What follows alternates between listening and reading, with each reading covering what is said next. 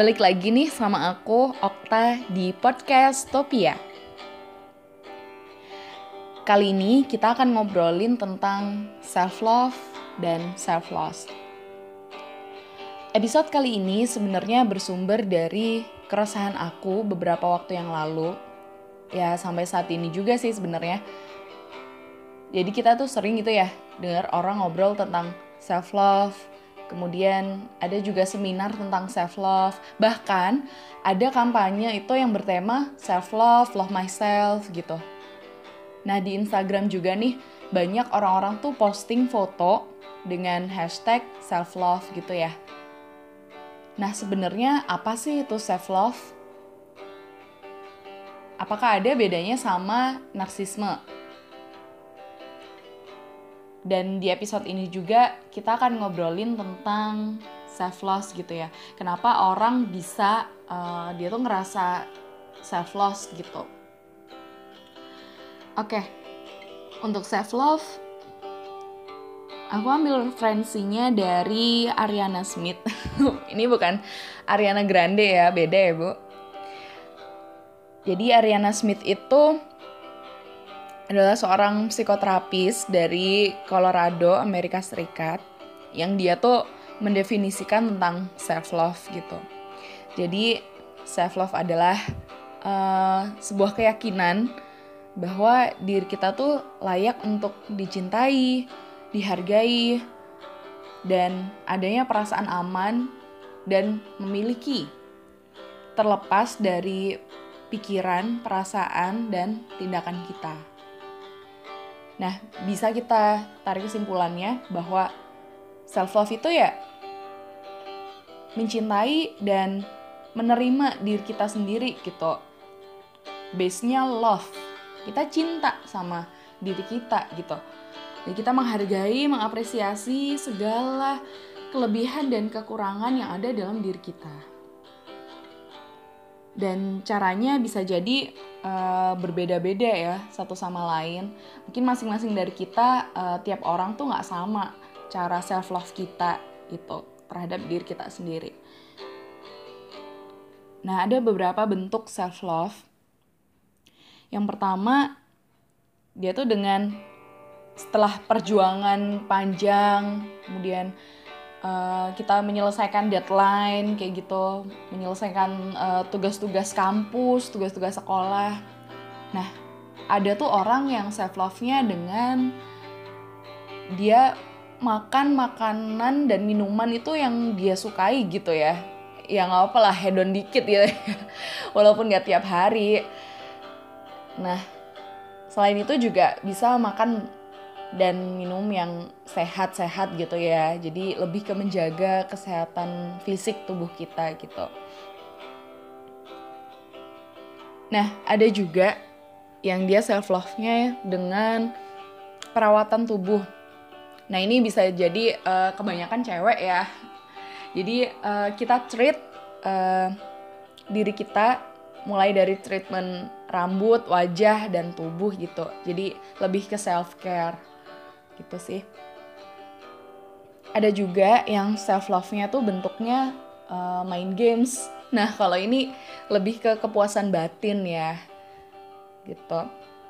Selain main games bisa jadi uh, buat kamu yang suka traveling yang suka uh, get lost somewhere gitu ya sendirian atau mungkin uh, sama teman-teman sama keluarga gitu suka traveling. Ini bisa juga jadi bentuk self love buat diri kita. Ya tapi kalau misalnya travelingnya ke barat mencari kitab suci itu kayaknya bukan self love ya. itu nggak balik-balik ya sebelum kitab sucinya dapat gitu ya. Keburu udah deadline numpuk nih. ya, traveling. Selain itu, uh, mungkin kita juga bisa melakukan hobi yang kita sukai gitu. Jadi uh, ya kayak nggak kerasa aja waktu itu berjalan cepat gitu kalau kita melakukan hobi itu bisa jadi uh, olahraga gitu ya atau mungkin ngelukis atau ya hobi yang lain ya baca buku dan sebagainya bentuk self love juga bisa dengan shopping. Nah kalau ini nggak hanya kepuasan batin tapi juga isi dompet terkuras lah bu ya. Jadi uh, lebih ke apa ya kita tuh seneng aja gitu kalau udah udah beli sesuatu buat diri kita gitu ya. Apa pun itu gitu. Shopping pokoknya. Ya boleh aja asal nggak tiap hari ya. Nah selain itu selain itu self love itu juga bisa uh, bentuknya kita menghabiskan waktu dengan orang-orang yang kita cintai gitu. Seperti keluarga teman-teman sahabat atau mungkin dengan pasangan kita gitu. Kita melakukan ya aktivitas bareng kayak misalnya ya cuman ngobrol atau mungkin masak gitu ya. Itu udah bentuk self love sih buat diri kita gitu. Selain itu juga kita uh, apa ya kita kasih positive vibes juga buat orang lain gitu kita akhirnya saling curhat gitu. Atau mungkin selain menghabiskan waktu bersama Eh, kita juga bisa kasih sesuatu ya kayak kado atau bingkisan ke orang tersebut gitu. Itu juga uh, bentuk self love sih gitu berbagi ya. Nah eh, self love itu bisa dilakukan dengan siapa aja kapan aja di mana aja itu terserah masing-masing dari kita kita sendiri yang tahu gitu. Karena uh, kebutuhan tiap orang untuk self love itu berbeda-beda gitu. Nggak sama satu sama lain. Nah ini uh, sedikit cerita ya. Jadi waktu zaman kuliah dulu uh, kuliah semester akhir tuh kan uh, ngerjain skripsi gitu. Aku ngerjain uh, skripsi bareng temanku. Dan dia itu uh, nginep di rumah gitu. Ada kali ya seminggu lebih dia nginep gitu di rumah. Nah, uh, ya tuh udah udah berjuang gitu ya dari siang ketemu malam ketemu pagi gitu terus sampai uh, ya mata panda ya. Nah walaupun ya alhamdulillahnya skripsiku udah selesai tapi sampai podcast ini take uh, dia masih belum belum menyelesaikan skripsi gitu. Jadi semangat buat kamu yang lagi berjuang skripsinya atau tesisnya gitu ya. Semoga lancar. Nah, jadi uh, waktu udah nyelesain skripsi gitu, jadi kita tuh makan-makan gitu, terus jalan-jalan bareng. Waktu itu ke Malang sih. ya uh, keluar lah, keluar dari apa ya rumitnya kota Surabaya ya. Jadi ya itu bentuk refreshing sih buat kita. Buat dia mungkin baru sesaat karena ya itu dia harus melanjutkan perjuangannya. Oke kalau buat aku sendiri eh, self loveku tuh sebenarnya itu nonton. Nonton film sebenarnya. Jadi uh, ya selain itu ya apa selain kita tuh penasaran gitu dengan dengan alur cerita dalam film itu nggak tahu aku tuh ngerasa seneng aja gitu. Kalau aku bisa keluar istilahnya apa ya um, dalam tanda kutip aku bisa menjadi si tokoh dalam film itu dan uh, mengikuti alur itu gitu. Jadi ya itu udah udah tekan reset button sih buat aku gitu. Mungkin ini ya. Jadi aku tuh kayak memposisikan diriku tuh sebagai tokoh dalam film itu. Dan itu udah udah uh, buat aku seneng buat aku happy for for a moment gitu ya. Akhirnya oke okay, aku fresh lagi aku ngerjain rutinitasku yang sehari-hari aku lakukan gitu. Atau mungkin uh, ya udah cuman sekedar keluar rumah aja jalan atau uh, datang ke event apa. Nah itu udah udah buat aku juga self love sih buat diriku gitu. Nah ini nih di rumah ini uh, ibuku tuh lagi ini banget ya uh, suka kayak minuman-minuman sehat gitu. Jadi lebih treat uh, tubuh ya. Jadi sekarang banyak polusi terus wah cuacanya panas bukan main. Gila di Indonesia tuh panasnya banget karena kita negara tropis juga.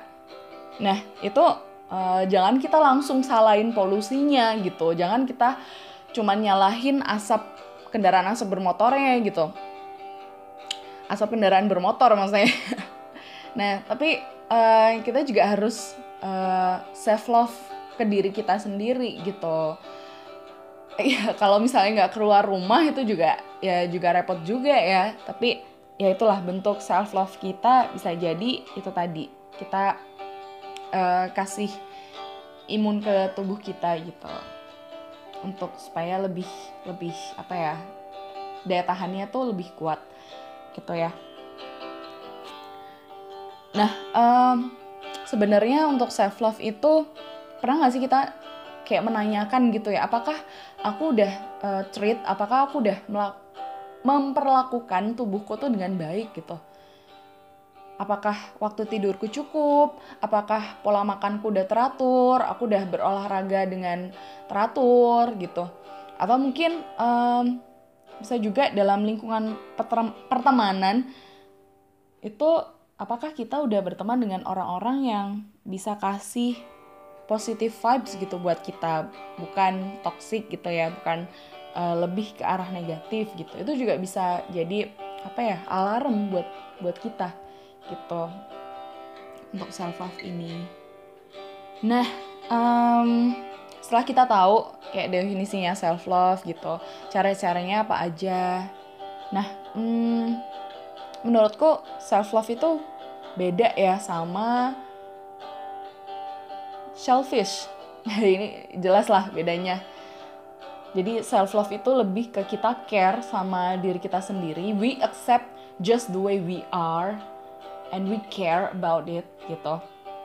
Kalau selfish um, itu kan nggak peduli gitu, nggak peduli orang mau ngomong apa, orang mau mau treat kita kayak gimana, tapi ya itu. Itu lebih ke dari dalam diri kita sendiri sih gitu. Tapi bukan berarti kita mengesampingkan uh, orang-orang yang care sama kita yang sayang sama kita gitu. Beda ya sama selfish. Beda lagi sama narsisme. Kalau narsisme ya jelas ya. Jadi itu hanya ajang pamer gitu. Ajang ya supaya uh, dapat pujian dari orang lain. Wah kita udah pernah uh, liburan ke kutub utara nih gitu. Kalau liburan ya oke okay, bisa lah ya. Ya jadi uh, self love itu bukan jadi ajang pamer itu lebih ke care terhadap diri kita. Kita menerima kita mengapresiasi bahkan kelemahan kita sekalipun gitu. Kita bener-bener aware oh aku aku tuh punya apa ya tubuhku tuh rentan gitu sama uh, flu gitu. Aku punya asam lambung gitu misalnya. Nah itu gimana cara kita uh, bener-bener ngejaga kondisi tubuh kita biar fit biar bisa beraktivitas gitu. Atau mungkin ya setelah kita uh, apa ya melakukan aktivitas yang berat gitu atau menyelesaikan uh, tugas sesuai deadline. Nah, itu cara kita untuk self love-nya ya bisa jadi seperti cara-cara yang sudah aku sebutkan tadi ya, gitu. Nah, bahkan uh, aku tuh pernah baca gitu ya. Waktu itu ada uh, kampanye judulnya Love Myself. Ini kayak lagunya Hailey Steinfeld ya, Love Myself. Kalau uh, Love Yourself kayaknya lagunya Justin Bieber. nah, uh, oke okay, balik lagi. Kampanye Love Myself itu antara BTS, ya ini boyband Korea, sama UNICEF gitu pada tanggal 1 November 2017. Jadi uh, mereka tuh bikin kayak video klip gitu ya.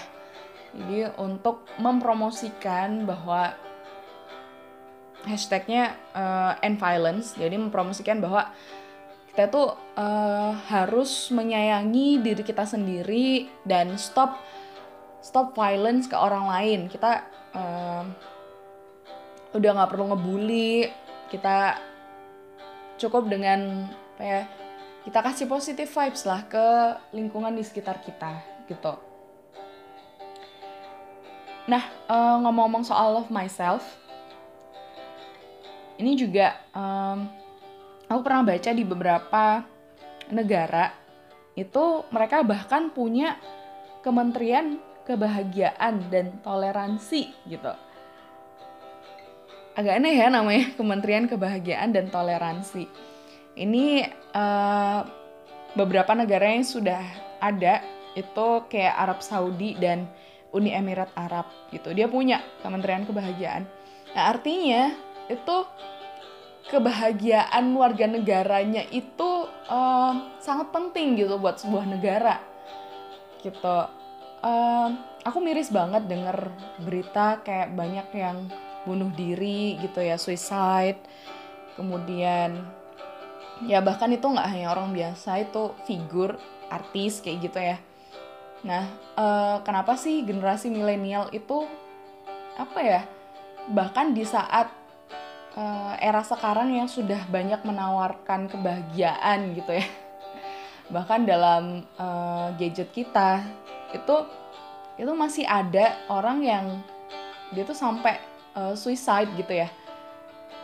Nah, um, itu kan berarti ada sesuatu yang yang dia pendam dan gak bisa diungkapkan gitu.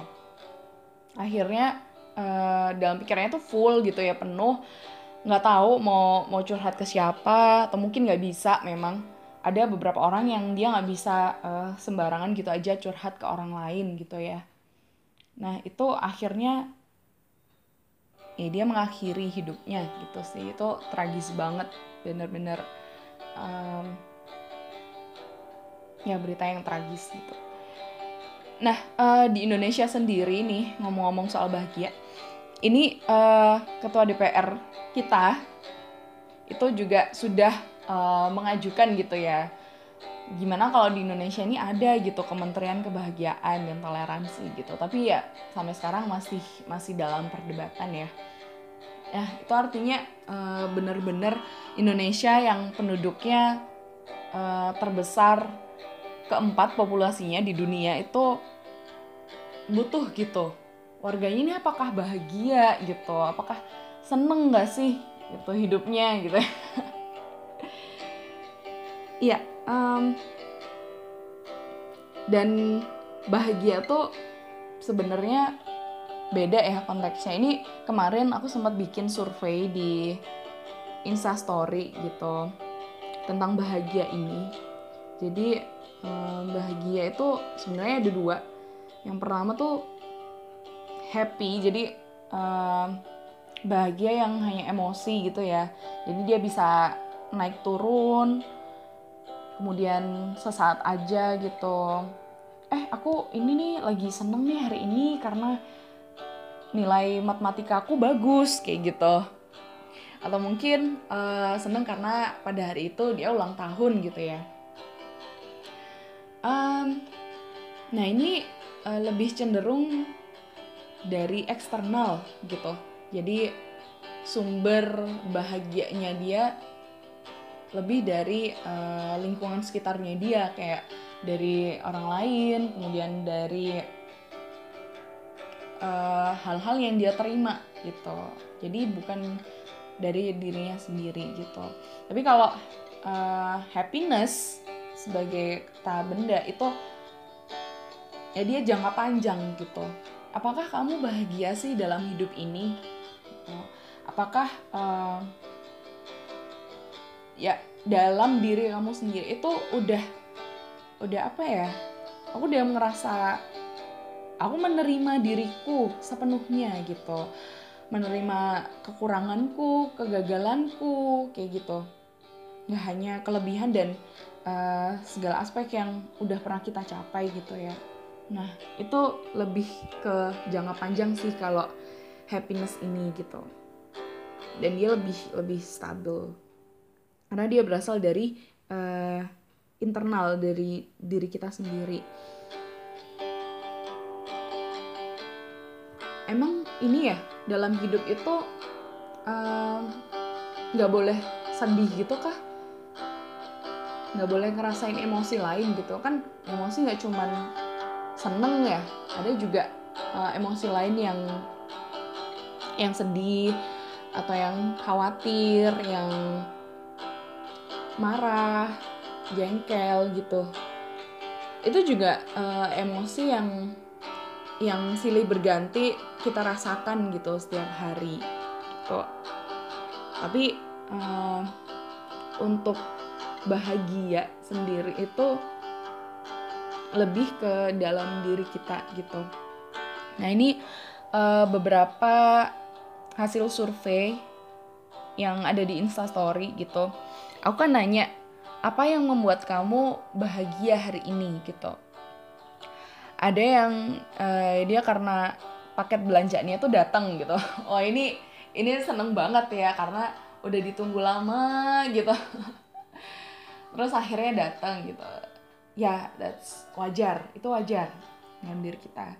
Ada juga nih um, yang ngejawab uh, ya aku hari ini seneng karena anakku tuh udah bisa diajak nonton.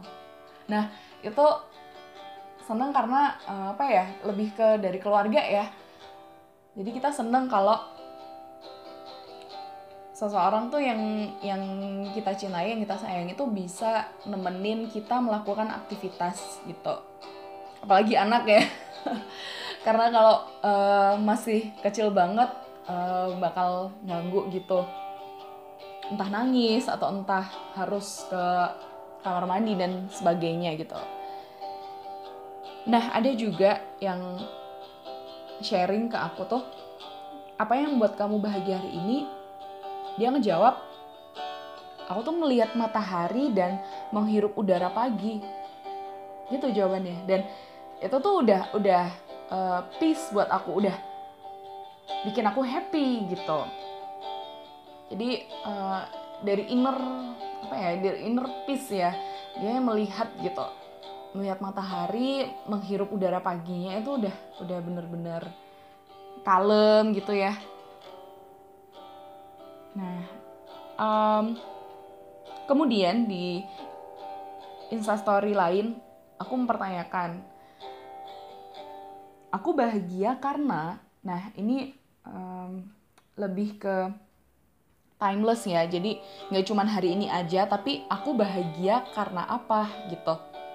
Ada uh, beberapa tuh yang sharing ke aku ya aku bahagia karena uh, berbincang dengan teman dengan sahabatku dengan keluargaku gitu. Itu aku bahagia. Nah itu salah satu ini ya yang bentuk self love tadi ya yang menghabiskan waktu dengan keluarga dengan orang-orang yang kita cintai gitu ya. Selain itu um, aku bahagia karena kebutuhanku terpenuhi. Ya jelas gitu. Kemudian ada lagi yang dia bahagia saat uh, menjadi yang terbaik di kelas. Oh itu jelas ya itu uh, kebahagiaan buat diri sendiri dan juga buat orang tua ya. Gitu sih. Kemudian ada lagi yang aku bahagia karena keluargaku sehat gitu ya anak dan suamiku sehat gitu. Itu jelas bahagia juga. Kemudian ada lagi nih yang sharing aku tuh ya aku bahagia karena aku menerima kekurangan dan kegagalanku gitu. Dan aku bisa menyelesaikan masalahku sendiri itu bikin dia bahagia loh. Jadi kalau kita bisa menyelesaikan masalah kita sendiri gitu. Entah itu ya oke okay, dengan dengan apa ya namanya orang menyelesaikan masalah tuh beda-beda ya caranya dan waktunya. Nggak bisa disamakan. Itu ada kebahagiaan sendiri buat kita. Kalau wah ini gila aku bisa bisa selesai nih ya masalah misalnya mungkin uh, keuangan atau masalah dengan uh, persahabatan gitu ya dalam persahabatan gitu. Wah iya nih keren banget bahagianya segitunya gitu. Nah ada lagi nih yang dia tuh sharing aku bahagia karena aku bisa memberi aku bisa berbagi keba kebaikan dengan orang lain gitu. Oh ini aku punya cerita sebenarnya untuk untuk ini. Jadi wah ini beneran. Uh, waktu itu aku lagi uh, sebut aja ke ini ya ke Indomaret gitu ya. Sorry sebut merek. Um, ya beli sesuatu di situ. Waktu itu udah udah jam 8 lebih lah malam. Nah di situ tuh di pinggir di pinggirnya Indomaret itu aku lihat ada orang tuh yang bawa gerobak isinya tuh kebutuhan sehari-hari gitu ya. Kayak sapu, pel, terus ember, terus sikat kamar mandi gitu. Pokoknya uh, peralatan sehari-hari gitu ya. Peralatan rumah tangga sehari-hari. Nah aku tuh kayak yang mikirin yang oh ini bapaknya udah makan belum ya? Ini ini ini serius ini bukan bukan bukan pamri bukan ria tapi ini beneran. Jadi oh ini bapaknya udah makan belum ya? Dia tuh kayak tiduran gitu loh. Uh, tiduran dengan beralasan beralaskan uh, kayak karung gitu yang nggak seberapa gede pokoknya uh, tubuhnya bisa berbaring gitu. Terus aku masuk kan ke Indomaretnya ya udah aku akhirnya uh, beli air mineral sama roti gitu. Terus uh, aku kasih ke bapak itu gitu. Nah ternyata bapaknya itu uh, tunawicara gitu. Jadi dia agak sulit berkomunikasi dengan orang lain tapi aku masih bisa nangkep uh, maksud kata-katanya dia itu wah terima kasih ya terima kasih gitu. Itu uh, bikin aku tuh wah gila ini bahagianya segininya gitu ya. Itu udah pelong yang yang udah wah ternyata the power of giving ya. Itu sampai apa ya bikin aku mau nangis serius. Jadi kita tuh uh, eh, self love itu selain kita treat diri kita sendiri gitu ya tubuh kita atau batin kita gitu. Itu ya salah satunya dengan memberi sih gitu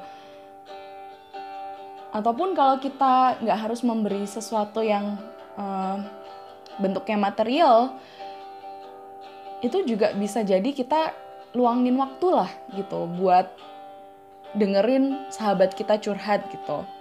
Atau mungkin uh, kasih solusi lah buat dia buat permasalahan yang sedang dia hadapi saat ini gitu. Nggak usah lah kita uh, apa ya cari kata-kata mutiara yang yang apa yang berkaitan sama masalahnya dia tuh nggak usah. Cuman dengerin aja apa yang mau dia ceritain gitu. Kamu luangin waktu gitulah buat uh, orang itu. Itu udah udah yang luar biasa sih impactnya gitu buat orang tersebut gitu pasti jadi nggak perlu nggak perlu um, kita nasehatin atau atau ya ya udah kita sediakan waktu gitu. Karena kita tuh lebih sulit mendengar ya daripada ngomong. Saya ya mendengar tuh juga butuh seni gitu. Sampai sekarang pun aku juga uh, masih struggling dengan hal itu. Bagaimana aku bisa uh, giving ke orang lain gitu. Dengan apa yang punya uh, waktuku tenagaku pikiranku. Ya sehingga itu juga uh, sebagai bentuk aku menerima gitu. Menerima diriku sendiri gitu. Aku mencintai kekuranganku mencintai kelebihan juga gitu ya Nah, um, balik lagi ke bahagia. Jadi aku pernah baca tentang uh, World Happiness Report tahun 2019 ini. Jadi uh, dunia itu negara-negara di dunia itu di ranking gitu. Uh, negara mana sih yang indeks kebahagiaan warga negaranya tuh yang tertinggi dan yang terendah sampai yang terendah kayak gitu ya. Nah, uh, ini menarik banget, menarik banget karena pada ranking teratas sampai ya um, ya 10 teratas lah top 10 itu ditempatin didudukin oleh negara-negara di wilayah Eropa gitu kayak Finlandia, Denmark, Norwegia, Islandia gitu. Belanda, uh, Swiss baru, Selandia Baru, kemudian Kanada. Nah ini uh, dari benua Amerika ya. Kemudian Austria. Nah Indonesia negara kita itu berada pada ranking ke-92 Bayangin dari 156 negara Indonesia menempati posisi ke-92. Nah, di ASEAN, di Asia Tenggara sendiri itu ranking yang tertinggi Thailand, dia menempati uh, posisi ke-52 gitu. Dari 10 negara ASEAN gitu ya. Nah, ini menarik karena uh, wow ternyata banyak loh gitu banyak loh uh, warga negara Indonesia itu yang sebenarnya nggak bahagia gitu. Mungkin kita lihat luarnya wah dia tersenyum dia happy dia ketawa gitu ya. Tapi kita nggak tahu sebenarnya dia itu bahkan butuh seseorang untuk curhat. Itu seseorang untuk um, kasih dia solusi atas masalahnya gitu. Tapi nggak semua orang bisa cerita ke orang lain gitu. Nah um, kita mungkin sering gitu ya um, lihat di TV gitu atau di film. Kita kalau misalnya uh, stres depresi gitu kita ke psikolog atau psikiater terus kita curhat gitu tentang masalah kita gitu ya. Nah tapi sebenarnya nggak semua orang gitu bisa apa ya mencurahkan apa yang yang menjadi masalahnya dia gitu. Nah um, di sini aku pernah nonton sih film judulnya Pursuit of Happiness Mungkin kalian juga udah pernah nonton yang dibintangin oleh Will Smith sama anaknya Jaden Smith yang waktu itu masih kecil banget. Belum ada kali ya uh, eh, 6 tahun 7 tahun gitu. Nah uh, di situ gimana si Will Smith ini dia bisa menerima gitu menerima kondisinya dia yang dia ekonomi rendah kemudian uh, dia ngelamar kerja ke sana sini nggak dapet karena waktu itu masih masih sangat susah akses pekerjaan untuk orang-orang yang berkulit hitam di Amerika gitu ya. Nah, um, bentuk self love-nya dia adalah dengan dia itu tetap apa ya dia tetap mensyukuri apa yang dia punya. Dia hidup sama anak semata wayangnya gitu. Walaupun uh, di situ diceritakan si istrinya itu ya dia udah nggak betah gitu ya dengan kondisi dia yang terpuruk yang yang ekonominya rendah gitu. Banyak hutang di mana-mana. Dia harus kerja bahkan harus ambil double shift untuk membayar uh, berbagai hutang itu.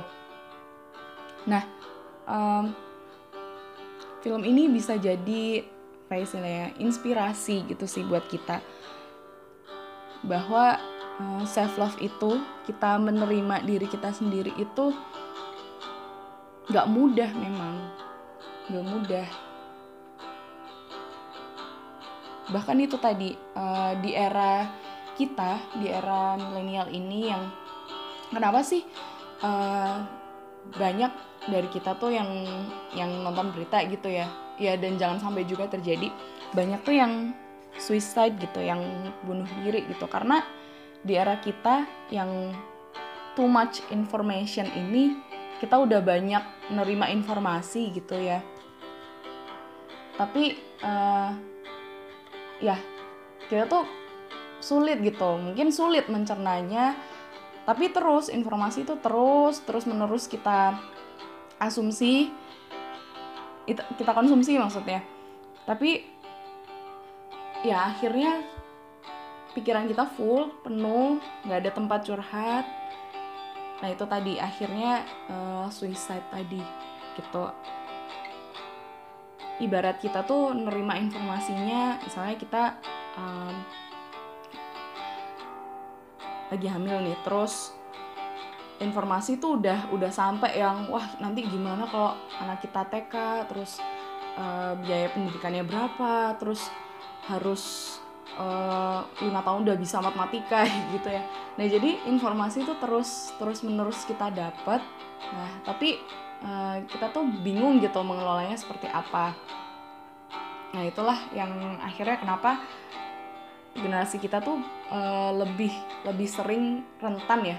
Lebih sering dan rentan kena depresi kena stres kayak gitu.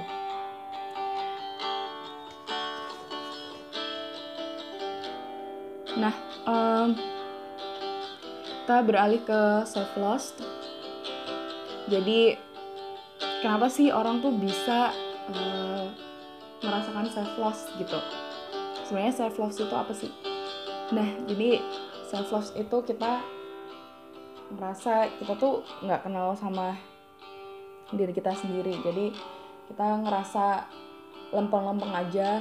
Kayak ya udah setiap hari kita lewatin ya udah ngikut alur aja.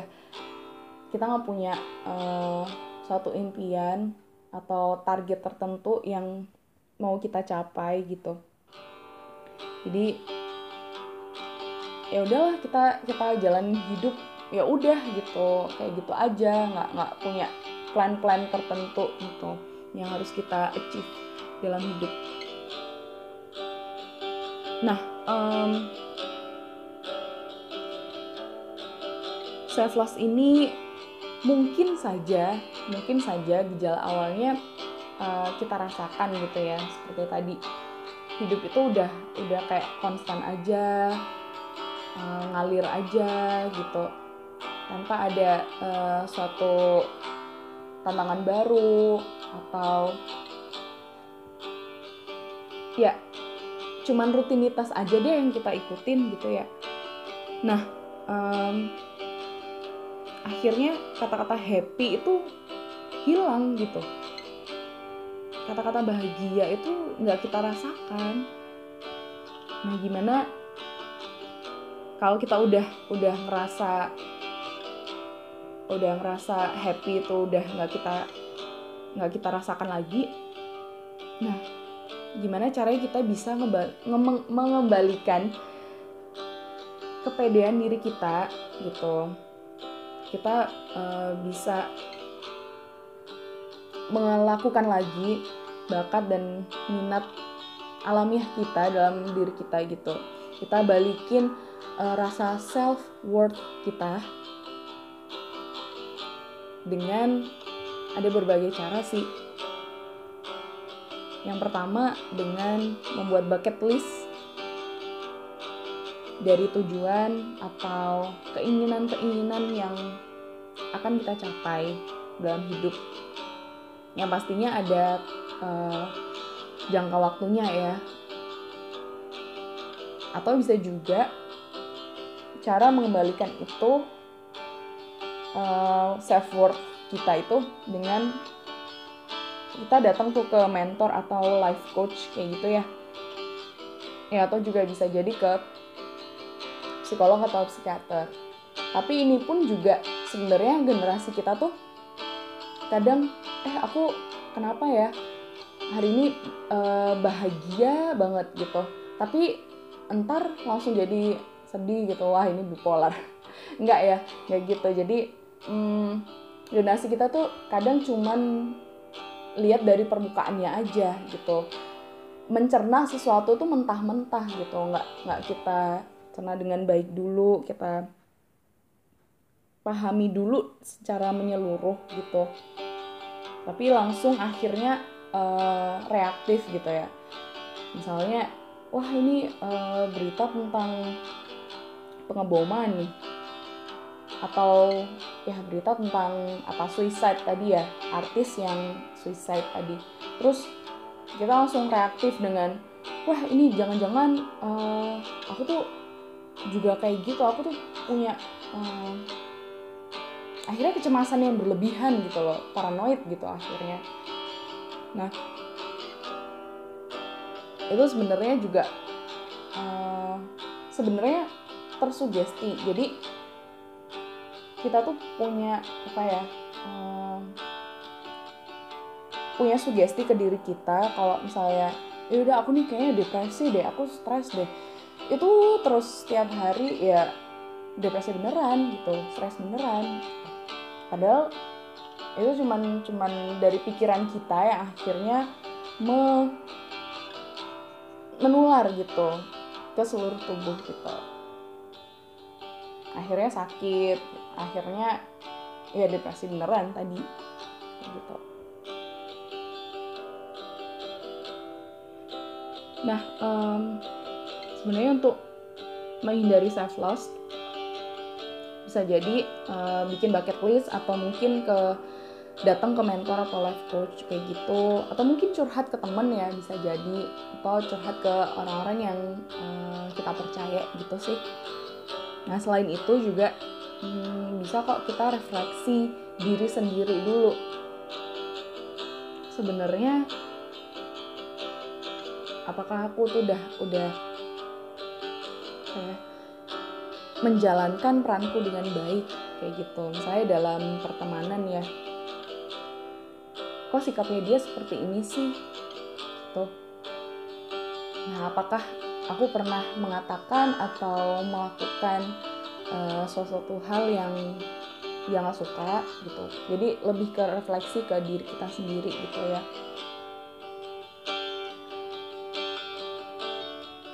Atau mungkin ya bisa jadi uh, traveling juga bisa kita keluar dari zona nyamannya kita gitu. Bisa juga ya. Nah um, di sini juga dibutuhkan untuk self forgiveness dan ini beneran susah banget self forgiveness memaafkan diri sendiri gitu walaupun masa lalu kita seperti apa, apa yang sudah kita lakukan sebelumnya. Kita mencoba untuk memaafkan diri kita sendiri gitu sih. Dan itu susah banget. Itu nggak semua orang uh, bisa melakukannya dalam waktu yang singkat.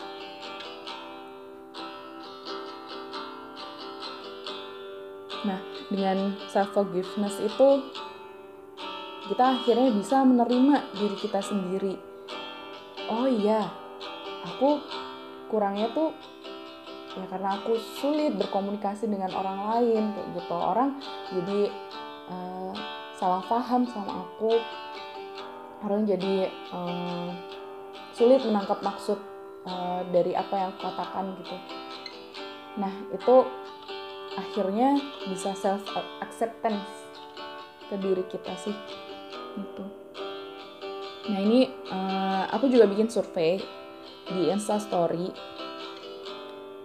tentang apakah kamu pernah merasakan gagal, tersesat. Nah, beberapa orang uh, yang menjawab sharing ke aku kan. Jadi, uh, iya aku pernah merasakan uh, gagal, tersesat kayak gitu. Karena uh, aku mengecewakan orang yang aku sayangin gitu nah penyebabnya karena mengecewakan itu mungkin kita ingat sampai sekarang dan ya untuk forgiveness um, mungkin prosesnya sulit tapi kita harus tetap berusaha untuk memaafkan diri kita sendiri. Karena memang ya nggak mudah. Tapi apa pun yang kita lakukan di masa lalu ya semoga itu bisa kita perbaiki gitu di masa saat ini dan masa yang akan datang. Ada beberapa orang lain yang menjawab, ya penyebabnya adalah karena pikiran negatif yang susah dihilangkan. Jadi itu tadi ya seperti uh, kayak kita sugesti diri kita gitu, oh kita nggak bisa kita uh, depresi kita nggak mungkin lah mencapai apa yang kita cita-citakan gitu. Nah itu akan akan terus akan terus menerus stay di pikiran kita. Yang akhirnya ya itu yang yang kejadian beneran gitu. Energy follow intention. Jadi apa yang kita pikirkan ya itu yang yang akan terjadi. Itu sih. Jadi kita harus suggest diri kita yang positif gitu ya. Oke jadi uh, di sini buat penutup aku bikin suatu bagian gitu ya skema. Jadi uh, inti dari self love dan self love itu adalah happy atau bahagia Nah, dari happy ini kita kalau misalnya inget tuh uh, garis untuk pelajaran matematika. Jadi happy itu kalau kita tarik garisnya ke kanan dari kebahagiaan itu kita bisa uh, kalau kita ngerasa bahagia ya dalam diri kita itu kita bisa menerima segala kelebihan dan kekurangan yang ada dalam diri kita self acceptance. Nah, dari self acceptance itu akhirnya terbentuklah self forgiveness. Jadi kita bisa memaafkan uh, diri kita sendiri.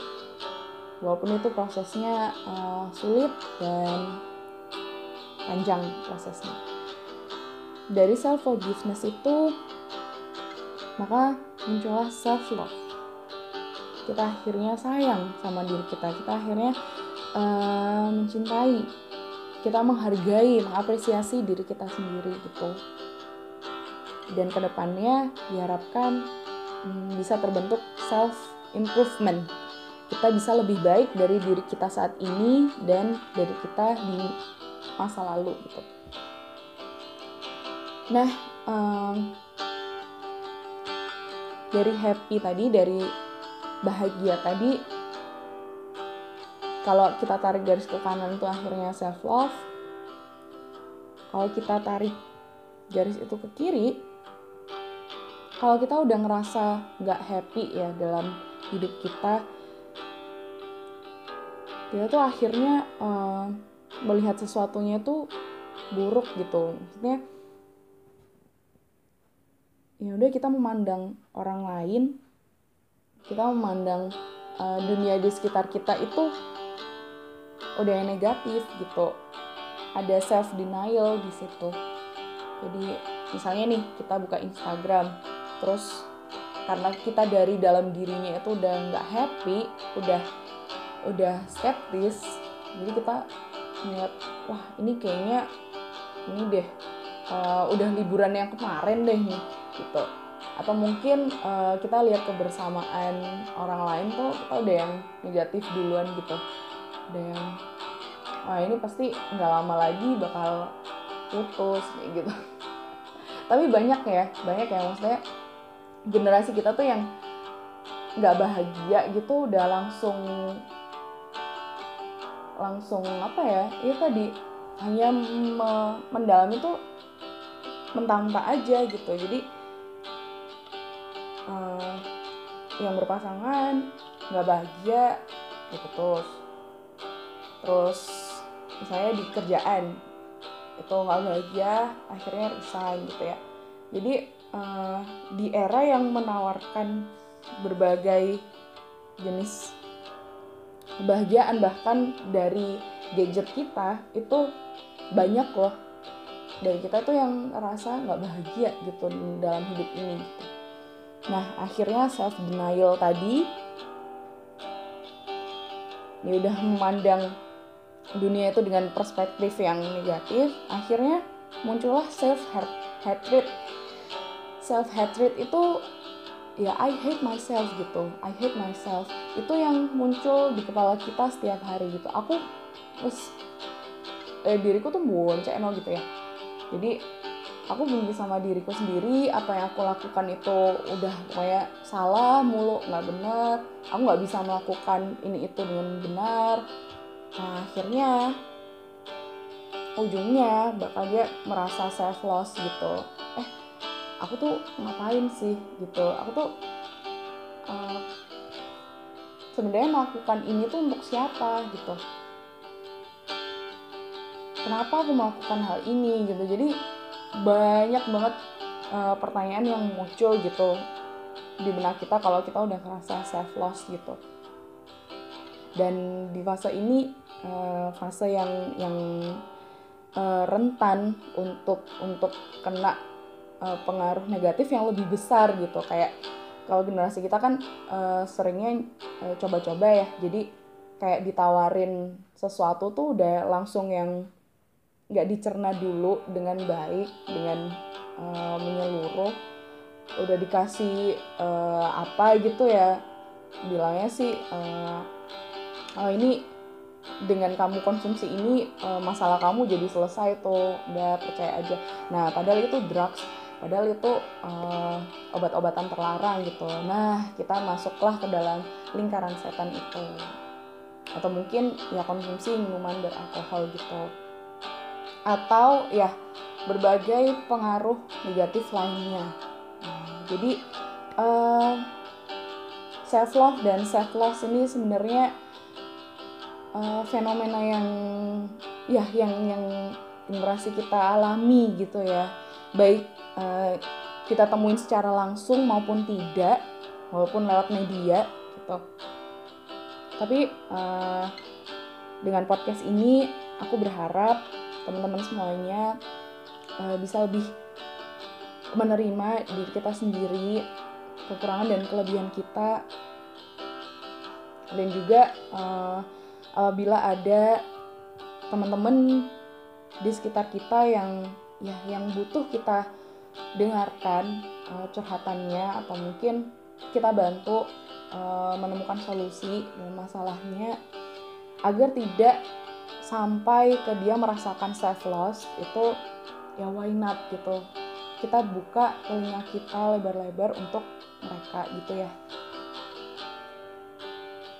Oke okay, um, jadi itu aja podcast kali ini yang berjudul self love versus self loss. Uh, semoga bermanfaat gitu ya. Oke okay, thank you semuanya. See you guys bye